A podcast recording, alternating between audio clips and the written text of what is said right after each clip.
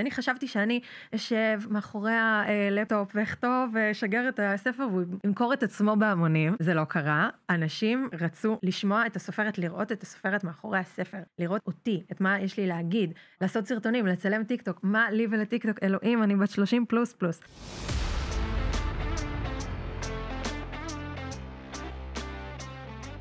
שלום לכולם, וברוכים הבאים לפודקאסט יוצרים מוטיבציה. אני עינת מזרחי, ופה אנחנו לומדים איך לייצר מוטיבציה, שגם תקים אתכם מהספה ותשלח אתכם לזוז, ליצור ולהגשים את החלומות שלכם, ומי יודע, אולי גם להתפרנס מהאומנות ומהחלום שלכם. בכל פרק אני מדברת על אספקט אחר של היכולת החשובה הזאת של ייצור מוטיבציה, כי אני חושבת שהאתגר האמיתי שלנו הוא לא מחסור בזמן פנוי, הוא בעצם הגיוס הזה של הכוח הפנימי. פנימי שמניע אותנו לפעולה. אני בעצמי יוצרת, אני עובדת לבד, ואני כל הזמן מחפשת את השיטות האלה, ואני רוצה להכיר לכם את האורחת שלי היום. אני מארחת היום את הסופרת שירי מלודי מילר. היי שירי. שלום, שלום. מה שלומך? בסדר גמור, מה נשמע? בסדר, כיף שאת פה. אז אני קודם כל אומרת איפה זה פה. אני, היום זה פרק שאני מקליטה אותו במסגרת קורס של איך עושים פודקאסט. אני תמיד מאמינה בקודם לעשות ואחר כך ללמוד איך, וזה מה שקורה לי עכשיו. קורס מדהים מטעם, מטעם השלוחה ועיריית תל אביב, ומנחה אותו מתן חביליו, ואולי אני גם אעלה פה על הגריל בסוף הפרק הזה וייתנו לי פידבקים וזה יהיה חלק מהפרק. אני לא יודעת עדיין אם אני אעשה את זה, אבל יכול להיות שזה יהיה חלק מהפרק. אז שירי, שירי כתבה את הספר בלגן בחצאית, היא סופרת, היא גם מעצבת פנים. אני אשמח שאת תציגי את עצמך בכמה מילים, ואז ככה שתי מילים על הספר. מהמם. אז כמו שאמרת, אני שירי מלודי מילר. אני מעצבת פנים, יש לי כמה כובעים, אני מאוד מאוד סקרנית. אני סופרת, כתבת תוכן וציידת סיפורים בגדול. כתבתי את הספר בלגן בחצאית.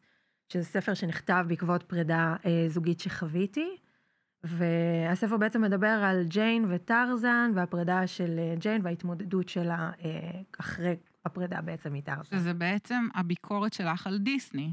נכון, כן? נכון מאוד. אה, שאת מדברת על זה שהבטיחו לנו בתור אה, נשים, בתור בנות, את האביר, ושנחיה ב-happily ever after, ו... כן, וזה דיסני, לא כל כך עובד ככה. בדיוק, דיסני לחצו עלינו יפה יפה, תשבי, תהיי יפה, שתוקה, עם שיער בלונדיני חלק, הוא יבוא ותלכו אל האופק ותדברי כמה שפחות. ואם את מדברת אז לא, לא, לא במרדנות, ככה בקוקטיות קטנה וחמודה. אה, וגם עשו לחץ גם על הגברים, כן? זה, זה גם על הגברים, אבל היה לי חשוב בעיקר לתת את, ה, את הקול הנשי שלא מתנצל ולהגיד, היי, אני לא נסיכה, אני חושבת שאני נסיכה, אני יודעת שאני צריכה לתקן את זה, איך ממשיכים מכאן? והחיים לוקחים אותה. את מגדירה את עצמך כאומנית? כן, בהחלט. באיזה רגע בעצם את מבינה שאת אומנית ויוצרת וסופרת? וואו, אני אגיד לך את האמת, אני כל החיים התעסקתי באומנות. אני הגעתי בעצם ממשחק ולמדתי סטיילינג לאופנה. ותמיד היו לי רעיונות לעשות דברים, וזה, אומנות תמיד עניינה אותי, צבעים, חומרים. אומץ לקרוא לעצמי אמנית הגיע רק אחרי שהספר יצא. כשהספר יצא לאור, הבנתי שכל מה שעשיתי בחיים זה בעצם אמנות, בכל מיני סוגים, ואני יכולה להגיד, אני, אני אמנית. אני לא יודעת לעשות uh, משוואות, ואני לא יודעת לשבת מול מחשב ולעשות, uh, uh, uh, לא דברים שבהייטק uh, הגבוה עושים, אני לא. אני אמנית, אני, הראש שלי חושב בצורה קצת אחרת. אני אשאל אותך שאלה, האם הספר שלך, שהוא האומנות שלך, מצליח כמו שרצית, כמו שחשבת? האם רצית להתפרנס מהאומנות שלך, והאם זה קורה בפועל?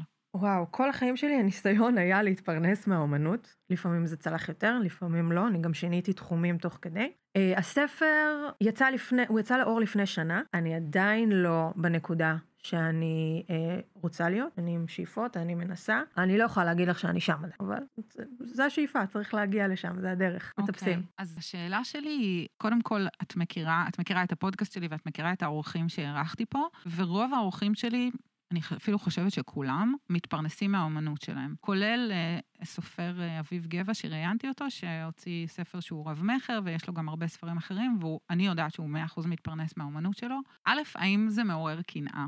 האם את אה, חושבת על סופרים אחרים שהם 100% סופרים ומתפרנסים מהאומנות שלהם? אז אם זה מעורר קנאה? שאלה אה, מצוינת. אה, את יודעת, כשאומרים קנאה, אז זזים לא בנוח בכיסא, כי, כי אנחנו לא רוצים לפגוש את הדבר הזה בעצמנו.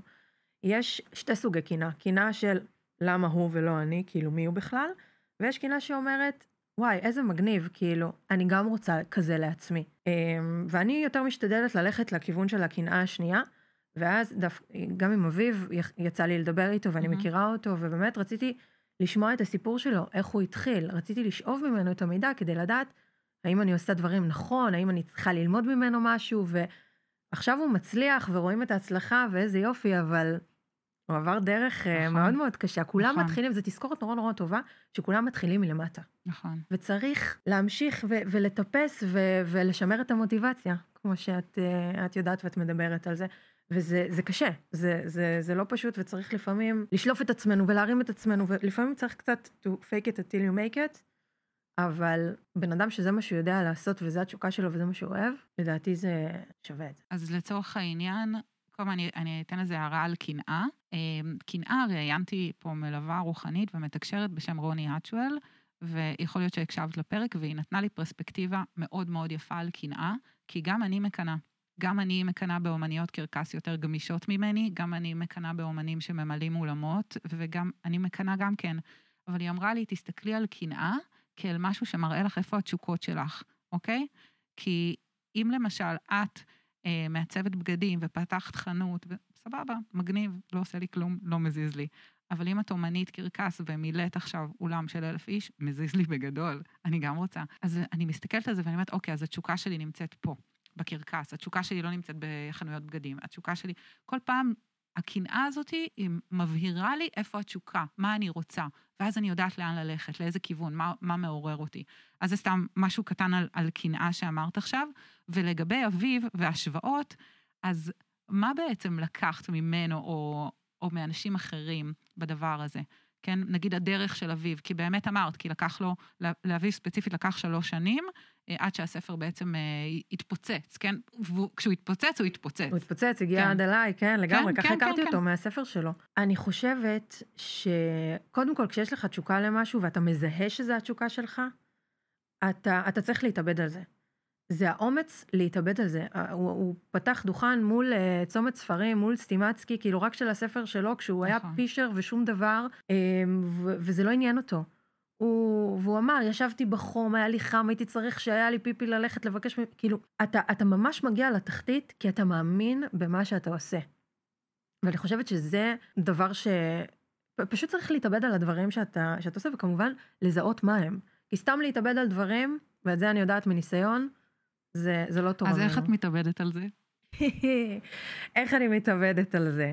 אני יוצאת מאזור הנוחות שלי, הרבה. איך, הספר, איך? הספר ממש הוציא אותי. אני חשבתי שאני אשב מאחורי הלפטופ ואכתוב ואשגר את הספר והוא ימכור את עצמו בהמונים. זה לא קרה. אנשים רצו לשמוע את הסופרת, לראות את הסופרת מאחורי הספר, לראות אותי, את מה יש לי להגיד, לעשות סרטונים, לצלם טיק טוק, מה לי ולטיק טוק, אלוהים, אני בת 30 פלוס פלוס. אה, כאילו, אין, אין שום קשר. אז זה, זה ממש, זאת ההתאבדות. לדעת שאוקיי, אני מאמינה בספר שלי, אני יודעת שהוא טוב, אני מקבלת עליו פידבקים מעולים, אני רוצה שיותר אנשים יקראו אותו, איך אני עושה את זה? אני צריכה להגיע לאנשים.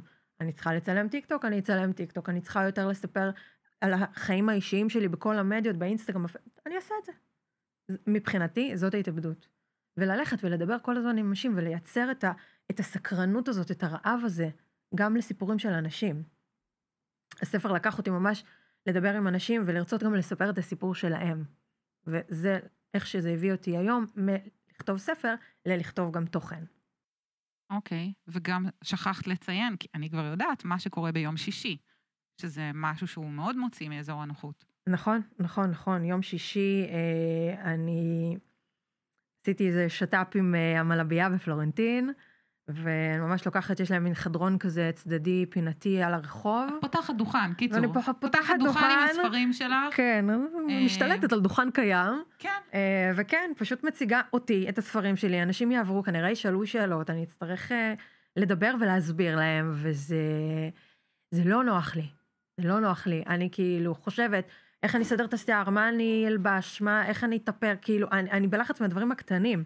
אמ, אז מבחינתי זה, זה באמת מה שנותן לי את, ה, את המוטיבציה להמשיך. אם בן אדם אחד יקרא את הספר ואוהב אותו, ו, ו, וגם יגיד לי שהוא אוהב אותו, זה, זה עולם ומלואו בשבילי, זה, זה נותן לי דרייב מטורף. בן אדם אחד.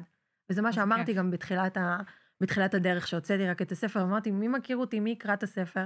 והספר לאט לאט התגלגל, ואני מקבלת פידבקים מאנשים שהם לא מכירים אותי, אני לא מכירה אותם, וזה דרייב מטורף. זה כיף לא נורמלי. אני יכולה להגיד שזה מצחיק שאנחנו גרות באותו רחוב, אבל הכרנו דרך החממה, ו... וקראתי את הספר שלך, וסופר נהניתי ממנו. גם הייתה לנו שיחה אחר כך על הקללות, שאת מאוד מקללת. איזה כיף זה לקלל, איזה כיף. ואני, אני כאילו לא מקללים אצלי בפודקאסט, לא מקללים וזה, אבל יש משהו מאוד אותנטי בדבר הזה, כי כן, בנות שמדברות ביניהן כן מקללות לפעמים, וכן אנחנו חושבות בראש קללות, ו- ואת בספר שלך, את פותחת הכל. כדאי, כדאי, צריך לקלל, בנות מקללות, זה כיף, זה, זה, זה, זה מדיטטיבי לקלל. אתה כזה פתאום, איזה צרור של קללות, ואתה... אתה רגוע אחרי זה, למה לא? למה לא? זה עובר בספר, יש משהו של האישיות שלך, את יודעת שאחרי שקראתי את הספר, אני מרגישה שאני מכירה אותך גם הרבה יותר טוב. אה, ויש משהו שכנראה מאוד מחבר, כי את פותחת בספר, באמת את מוציאה שם קישקה. הכל, כן, כל הרפש. כן, וזה, אבל יש בזה משהו שמאוד מחבר, הוא מאוד מאוד אותנטי. כן, כן, תשמעי, זה נכתב אחרי פרידה, כל הזמן אמרו לי, תני לה זמן, תני לה זמן, תני לה זמן לעשות את שלא יהיה בסדר, יהיה בסדר, ואני מחכה, מחכה, מחכה. הזמן לא עושה כלום, ואז אמרתי, טוב, הזמן לא עושה את שלו. אני עושה את שלי, אני אכתוב. התחלתי לכתוב, הקורונה הגיעה, מתנה משמיים, ישבתי, ניתקתי הכל, ופשוט כתבתי את, את הסיפור שקרה לי. כמובן, לא אוטוביוגרפי וכאילו ליטושים פה ושם וסיפורים. כמובן שנתתי דרור לדמיון, אבל פשוט עשיתי את שלי. פשוט רציתי שתקראי ותחשבי שאני בשיחה איתך. זה ממש ככה, זה ממש עובר ככה. שבעצם, זה בעצם כאילו שברון לב שלך, של מישהו שנפרד ממך, ואת uh, מספרת שם על כל ההתמודדות הזאת, שזה אמיץ מאוד. אז יש לי עוד שתי שאלות אליי. אחד, שברונות לב. איך מגייסים את המוטיבציה אחר כך? איך מוצאים את הכוח להמשיך לצאת? וגם היית כל כך מאוהבת, וחשבת שזהו, זה זה, וזה חתונה, וילדים, וזה כל החבילה. פוצץ לי בפרצוף כל הדבר הזה. אז איך מוצאים את, ה, את הכוח והדרייב לצאת אחר כך? וואו, אני חושבת שכל אחד מתמודד אחרת. גם תלוי באיזה תקופה את שואלת אותי. בתקופה של אז, אני רק רציתי לברוח מהכל, ישר יצאתי, לא חיכיתי יותר מדי, יצאתי וזה הרבה מסיבות וזה הרבה אה, חומרים לא עלינו, אה, וכל הזמן פשוט הייתי חסרת שקט. זה היה אז בגיל יותר מוקדם, שלא ידעתי איך להתמודד, או שידעתי להתמודד בדרך הזאת, נכון לתקופה ההיא. אה, היום שיש, שאני ממקום הרבה יותר בוגר, הרבה יותר רגוע, אני לומדת גם לתת לכאב לבוא ו- ולהתמסר אליו. להוריד את הראש, להגיד, אוקיי, זה כואב, זה עבר, לא לעשות השלכה, כל הגברים הם חרא. לא, יש גברים שנפל. המזל שלי לא האיר לי פנים, נפלתי על הגברים הלא נכונים. מתישהו הגבר הנכון יגיע. זה נגיד משהו טוב שלקחתי מדיסני, להאמין. הם, דיסני לימדו אותנו להאמין, בסוף זה יקרה, אני מאמינה, בסוף זה יקרה. אז מתוך האמונה זה, זו המוטיבציה שלי. אבל יש ימים קשים, יש ימים שאני אומרת, די, די, לא בא לי, שורף את המועדון. אבל זה עובר, קמים בבוקר וזה... ולגבי הספר שלך, יש לך מוטיבציה להמשיך לכתוב עוד ספר? וואי, אני כל או... הזמן כותבת. אני כל הזמן כותבת. בלי סוף. אני לא יודעת, גם הספר הראשון, לא תכננתי שהוא יהיה ספר. הוא פשוט, פשוט כתבתי, ואיכשהו זה נהיה... זה נהיה סיפור, התחלה, אמצע וסוף, אבל זה כאילו, יש איזה מין, זה כמו טריפ כזה, אני כותבת את הספר ואני מרימה את הראש ואני קולטת שיש סיפור. לא זוכרת איך זה קרה בכלל, וזה כל החיים שלי, אני כותבת מההתחלה שהיה לנו איזו משימה ב... אה, אה, בחופש הגדול בין אה, כיתה ג' לד', אמרו לנו, קחו יומן, תכתבו את כל החוויות שלכם. ככה זה התחיל, ואני עד היום כותבת כל הזמן. מה יהיה עם זה? אולי יהיה עוד ספר, אני לא יודעת. נראה. וואו, שירי, קודם כל תודה שבאת. תודה שאירחת אמ, אותי. אם יש לך איזה שהם אה, טיפים או תובנות למי שרוצה להתחיל לכתוב, אה, ואת רוצה לשתף אותנו, אז אני ממש אשמח. קודם כל, אני חושבת שהטיפ הכי הכי נכון לכולם, זה פשוט, בא לכם לעשות משהו? תעשו. כמו שאת אומרת, אני קודם עושה ואז לומדת, או לומדת תוך כדי, זורקת את עצמך למים, זה הדבר הכי מפחיד, זה הצעד הכי קשה. ברגע שעושים את זה, קופצים למים, בא לי לכתוב, אתה כותב, מהמם. אחרי זה אתה יכול לערוך, לא לערוך את עצמך. קודם לכתוב, להקיא את הכל על הדף, עם שגיאות, בלי פסיקים. אני, שאני שולחת דפים שאני כותבת בלי עריכה, זה... לא מאמינים שהוצאתי ספר, בוא נגיד ככה.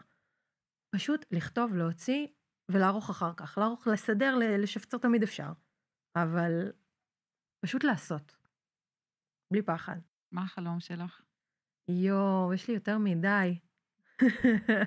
אני לא, להיות ממוקדת זה חלום אחד, אני צריכה להיות ממוקדת. אבל חלום, אני, אני רוצה להתפרנס מהאמנות שלי. אני רוצה לכתוב, אני רוצה לספר סיפורים, אני רוצה להכיר אנשים ולספר את הסיפור שלי, אני רוצה סיפורים, להקיף את עצמי בסיפורים. בהצלחה. תודה רבה. תודה רבה שבאת. היה לי כיף. יהיו פה לינקים גם לרכישת הספר, נכון? אפשר לקרוא גם את הפרק הראשון. בטח, אה, יש בלאגן. אה, בחצאית בגוגל והכל בלאגן בחצאית. הכל נמצא. אה, וזה ספר שהוא מיועד גם לנשים וגם לגברים. אני, עכשיו דיברנו בדרך על פידבק שקיבלת מגבר שקרא את הספר. נכון, נכון, גבר אחד שקרא את הספר אמר לי שזה מגניב, כי הוא הרגיש שהוא זבוב על הקיר בשיחת בנות כזה. כזה יופי, תקרא, תלמד. ותשלח צילומי מסך לחברים שלך. בדיוק. אז אה, תודה רבה, שירי. תודה אה, רבה, איזה כיף. ותודה רבה פה אה, לשלוחה. ועכשיו אני עולה על הגריל.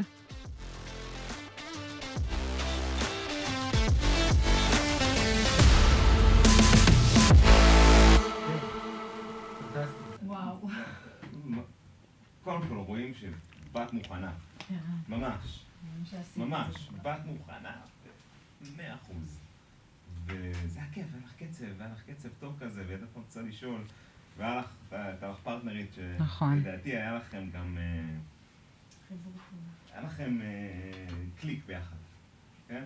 איזה כיף שהכימיה עוברת, וואי, זה מדהים. אני הרגשתי את זה, אני לא- אני לא- אם לא הייתי מרגיש, אני לא הייתי אומר פשוט. כן, לא, זה מדהים אותי. לא הייתי אומר לא הייתה כימיה, פשוט לא הייתי אומר. אבל אני אומר כי הרגשתי שהייתה כימיה. אז אה, זה קצת גורלות ומזלות, כן, אם יש לך כימיה עם כן. זה, אבל... אבל לדעתי אפשר גם לייצר טיפה את הכימיה, אם את יודעת מה לשאול, ובבסיס מי נמצאת מולך, או מי נמצא מולך, אז יש לך את זה, לתפוס את ה... גם את הכימיה וגם השאלות, האלו. העברת אותנו במין מסלול כזה מאוד יפה, ולא ארוך מדי, ועניין אותי מאוד. כאילו ישבתי, וואי, איזה כיף. וגם לקחתי לעצמי, לחיים שלי. אני, אה, אני עברתי פרידה די אה, דרמטית, אז אני מכיר את השברון אה, לב הזה, ואת הצורך הזה עכשיו לקום וגם לעשות, ו... מספר עכשיו מה שהוא רוצה לספר פה. כן, משהו כזה. אז, אז התחברתי, ממש. הייתי יכול בקלות להקשיב לעוד חצי שעה של שיחה ביניכם וגם. יותר. וואי, תודה רבה. איזה כיף. מה, ואין דברים לא טובים? מה, בכוח? לא? וואי, איזה כיף, תודה. אה, אני מסכים, היה אחלה, אבל כאילו ממש שמעו את הכימיה והיה היה כיף, היה מעניין. מה לשנות? סגיר, כאילו, לא יותר מזה. מה? סגיר. שלי? כאילו, כאילו כן. לדבר, כאילו, אתה... כן, כזה, אולי... אה, נכון. נכון, סיום לא שלך כזה עשיתי... של מה... מה היה לנו, מה- מה- מה את לקחת? נכון, נכון, נכון. נכון. אה, נראה לי שזהו. כאילו, באמת היה נכון. היה מעולה. נכון, כן, לא, לחבר לא, את לא זה באמת סיכמתי את למה ה... את באופן אישי לוקחת נכון. את זה, ולחבר את זה לנרטיב הכללי, כאילו, של כל שם. כאילו, את לוקחת את זה ספציפית מפה, ולחבר את זה... נכון. ואמרת דברים יפים, שהם- נכון. שכמו שאמרת, מספיק בן אדם אחד, כאילו זה נותן הרבה אנרגיה, שמספיק. בן אדם אחד ששינית כן, לו, אני מאוד שנתן ביקורת. כן, יכולה לקחת את זה גם לפודקאסט כן. שלך, ששומעים. אותך. אני גם חושבת שהיה ממש טוב, רואים שיש לך ניסיון, ועם אנרגיה מאוד גבוהה, יש איזה flow גם, יש את המסלול, של, את הנקודות של, של אורכן, את, את עוברת דרכן, ויש, רואים כאילו, את יודעת לאן את רוצה להגיע, את מאוד מאוד כזה ממוקדת. אמ, קצת עם ברמה של כאילו איך מייצרים מוטיבציה, אז אולי יש שם איזה מקום שאני באופן אישי הייתי רוצה יותר עמקה, איך, איך, איך כאילו, איך קמים מהפרידה, כאילו איך, איך קמים לתוך היום-יום וליצירה, כי נכון. זה כמו דוגמה אצלי, שאני מטפלת. באחרים, ובזמן שאני מטפלת באחרים אני עוברת משבר. איך אני עושה את זה? אז, אז בדיוק ברמה הזאת, איך אני יוצרת? כשלפעמים זה דווקא מנוע, נכון? הקושי והמשבר הוא דווקא מנוע, ולפעמים אין כוח להרים את עצמך, איך אתה, סתם כזה, כאילו, אם, אם זה הנושא, אז זה כאילו קצת יותר אוקיי, מזה. זה בכיף היה אפשר לשמוע אתכם עוד, זה היה ממש כיף. מדהים, היה כיף, היה מעניין מאוד. אבל יאמר לזכותה שהיא גם, אה, היא מאפשרת לי, היא נתת לי לשאול הכל. גם שאלה שהיא לא נעימה, כאילו, מה, אביב הוא סופר ויש לו רב מכר, ואיך את מתמודדת עם זה שאת לא... כאילו, נתת לי, זה שאת פישרית. לא, אפ- אפשרת לי כאילו לשאול דברים והתמודדת איתם, וואו, אני... אותי זה מרגש שאפשרת לי את זה, באמת, כי זה, זה, זה אותי זה מרגש מאוד. מצחיק, היה פה איזה משהו, כי גם כשאת ממוקדת, ואת יודעת מה לשאול ולאן לקחת, אז זה גורם לי גם להיות יותר ממוקדת Mm. בתשובות שלי, ואני עכשיו לא רוצה להימרח וללכת למחוזות אחרים, כי יש לי מלא כן. להגיד. כן. אז כאילו, מאוד רציתי להיות שם, לענות לך ממוקד, כאילו... שזה בזכות. מתן, כי, כי אתה אמרת פעם קודמת, אתה אמרת, מה שיש...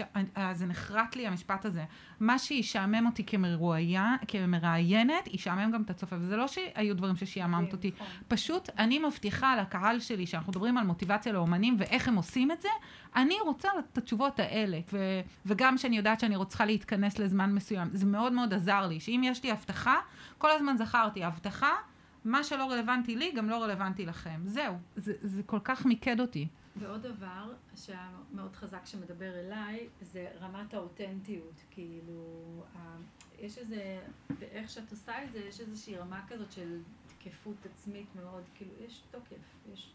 אני בסדר עם מה שאני מביאה משהו מסוים, אני עומדת מאחורי זה, אני הולכת לאיזה מקום מסוים. כאילו, זה מאוד כזה אותנטי, וגם את, יש לך רמת אותנטיות מאוד מאוד גבוהה, וכיף להרגיש את זה, כי אנשים, אני חושבת, שצמאים לאותנטיות, כאילו לדברים אמיתיים, וזה מאוד מאוד חזק. איזה כיף, ממש תודה. עוד. יאללה, תן לו, תן לו. אז למה צריך לגנוז את הפרק?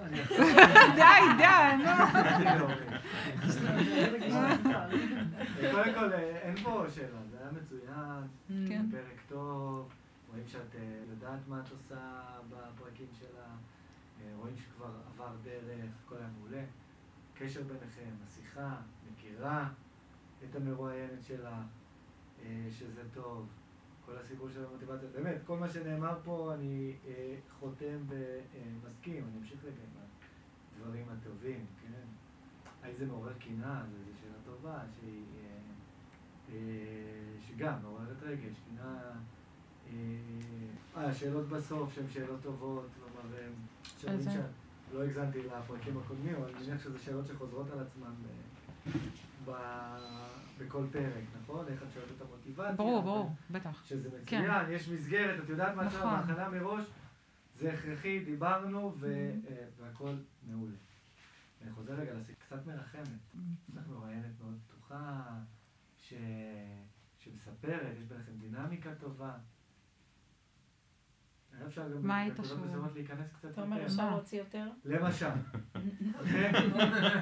גם היא מסר, גם היא רוצה עכשיו לדעת. כן. לדעתי, זה מעניין אותה יותר מאשר אותה. קודם כל, בואו בוא נדבר רגע על תן לי, המוטיבציה. תן לי, אני רוצה, תן. בוא נדבר קודם כל על עניין של מוטיבציה. מוטיבציה יכולה לחזור בהרבה הרבה הרבה מקומות לאורך הרעיון שלך. לצורך העניין, לא רק כשאלה. איך את מגייסת מוטיבציה מהשברון לב שלך להפוך אותו לספר? זה אחד, כאילו, בתוך הסיפור. זה היה בסוף וזה אחלה. אבל איפה אמרתי שאת אה, אה, קצת אה, מרחמת? קודם כל, יש משהו שהוא בספר, או בכלל ביצירת אומנות, שהוא שונה מכל מוצר אחר שאתה מוכר. כי אתה מוכר את עצמך ואתה מוכר משהו מאוד חשוף ממך. עכשיו, אני אראה לך שהיא נמצאת במקום, שעוד לא במקום שהיא רוצה להיות נכון. מבחינת המכירות. נכון. איך זה משפיע? ברמת הרגש. זה ה- הסיפור שלך פה על ה...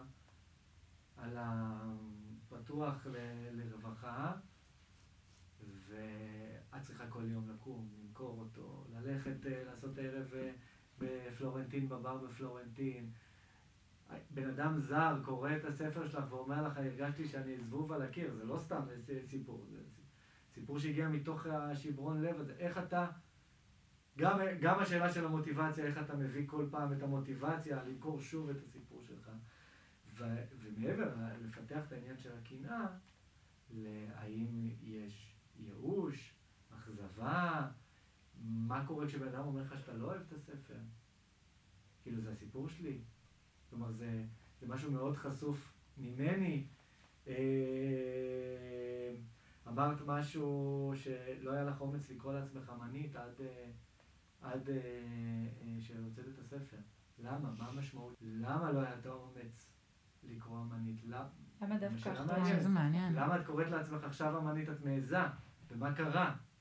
כאילו, כשאת אה, הולכת, אגב, זו תחושה שמאוד, שכולנו נראה לי מסתובבים איתה, זה לא מספיק טוב, זה לא, נכון. אני לא... זה גם לא ברמה... כן, I'm not good מי enough. אני שאני אקרא לעצמי אמנית, כן. זה נשמע מתיימר. זה גם לא רק ברמת האומנות, אני כמטפלת, לקח לי זמן עד שקראתי לעצמי מטפלת. כאילו לקח זמן, זה תהליכים שאפשר להזדהות עם. זה לא רק במקום של... וואי, איזה שאלות טובות. יש רגע שאתה... מה פרק זה, זה? ב', אני- המשך. יש רגע, המשך. בספר זה קצת יותר מורכב, אבל יש רגע שאתה עושה משהו, לוחץ על הסנד. נכון? שיש משהו שהוא נכון. הרבה על השולחן, אז אתה מוציא אותו לאור, ו... מה הרגע הזה, התחושה בשנייה הזאת שהסיפור שלך כאילו יוצא ל... כל מיני שאלות אישיות, ש... אני רוצה לענות לו. לחפור כן. קצת. כן, גם. שיחברו לדוגמה מישהו שנמצא שלב לפני ההוצאה. פתאום את מספרת לו משהו על חוויה שיכולה לקחת אותו קדימה. הוא גם יכול ללמוד ממנה, הוא גם יכול לדמיין את זה דרך זה. זאת אומרת, יצירת מציאות. יש, יש לזה כל כך הרבה אפקטים. כן. כאילו, זה, זה רכבת הרים רגשית, להוציא ספר, בטח שזה ספר שנובע מעולמות של הפרידה, או משברון לב. כולנו חווינו כנראה, וכולנו. יכולים להזדהות, אבל זה לא פשוט להוציא את השברון לב שלך. החוצה. יכולים לקרוא, ההורים, כולם החברים, כולם האקסים, כולם הבחור שאת יוצאת איתו אה, עכשיו יכול לקרוא? כאילו. ומה פה? זה שאלות כן. שנורא אה, כיף להתעמק בהן, ודווקא כל פעם אני מושך לרגש, עוד משהו שהוא פחות לעולם הרגשי, אנחנו, הפודקאסט שלך, איך שאני רואה אותו, הוא מאוד אה, פרקטי, כלומר איך אנחנו כן. מגייסים. אז הליך של הוצאה לאור של ספר זה מאוד מעניין, איך אתה מוציא, איך אתה מוציא הוצאה לאור, איך אתה מביא עורך שיערוך את הספר, איך אה, זה אתה בוחר, איך, אה, כלומר, גם השאלות האלה, הפרקטיות, נכון. זה... אני לדוגמה מוציאה קלפים עוד.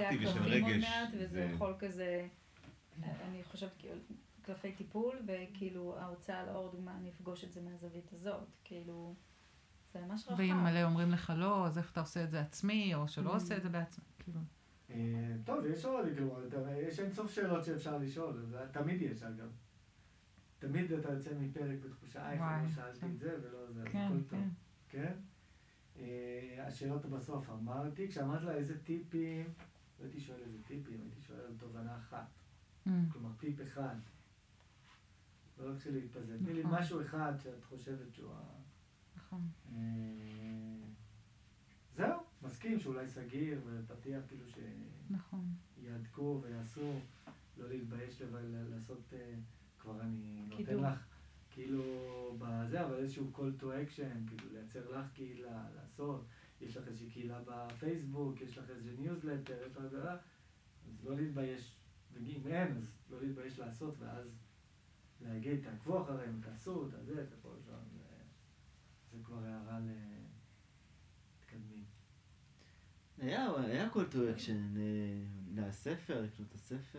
אה, כן. לעקוב את אחריה. מאוד מרימה ומאוד מפרגנת. גדולה. לה, לי, לשלוחה, נורא קטנה. את גם מפרגנת לאלה שהם בתוכניות קודמות, מזכירה אותם בשמות המלאים, כאילו, יש ממש פרגון לכולם. תודה להורים, להוריי, יוצרים מוטיבציה. סבתא. יש לך איזושהי קהילה שאת מתעסקת כן, יש. בפלורנטין, בזה ופה. אז תנצלי את הפלטפורמה כדי להגדיל אותה ולעשות אותה. אה, זהו, יפה מאוד. תודה רבה. עדיין נהנית גם, כי שמעת אותנו באוזניות. בטח.